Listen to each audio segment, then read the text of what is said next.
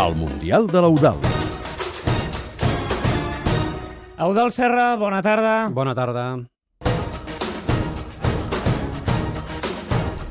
Ara hem tingut una primera pinzellada del tractament periodístic d'aquell moment, d'aquell partit del Mundial del 1982. Avui que la selecció d'Algèria podria aconseguir per primer cop classificar-se per als vuitens de final d'un Mundial. Què és el que va passar exactament al terreny de joc aquell dia, Eudal?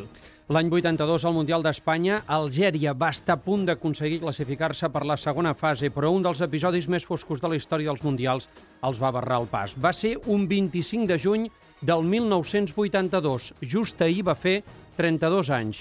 Algèria havia guanyat 3 a 2 a Xile a Oviedo en l'última jornada de la fase de grups i necessitava que Àustria guanyés o empatés davant Alemanya, que jugaven després a l'estadi del Molinón, a Gijón. Els alemanys estaven contra les cordes després d'haver perdut precisament amb Algèria a la primera jornada per 2 a 1 i només els valia guanyar per passar. Rubeix marcava per Alemanya al minut 10 de partit.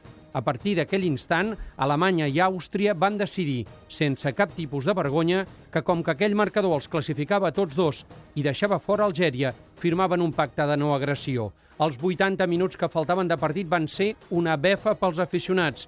Cap ocasió de perill, cap xut a porta, ni tan sols cap corna. I fins i tot alguna ocasió intentada per l'alemany Dremler o l'austríac Schanner va ser recriminada pels mateixos companys d'equip. El públic, que no era ni alemany ni austríac, va acabar cridant Algèria, Algèria, i fins i tot el seleccionador francès Michel Hidalgo, present al partit per prendre notes de les dues seleccions, va acabar declarant que Àustria i Alemanya es mereixien aquell any el Premi Nobel de la Pau. L'endemà els titulars a la premsa eren de l'estil fora, futbol porno, obscenitat o frau.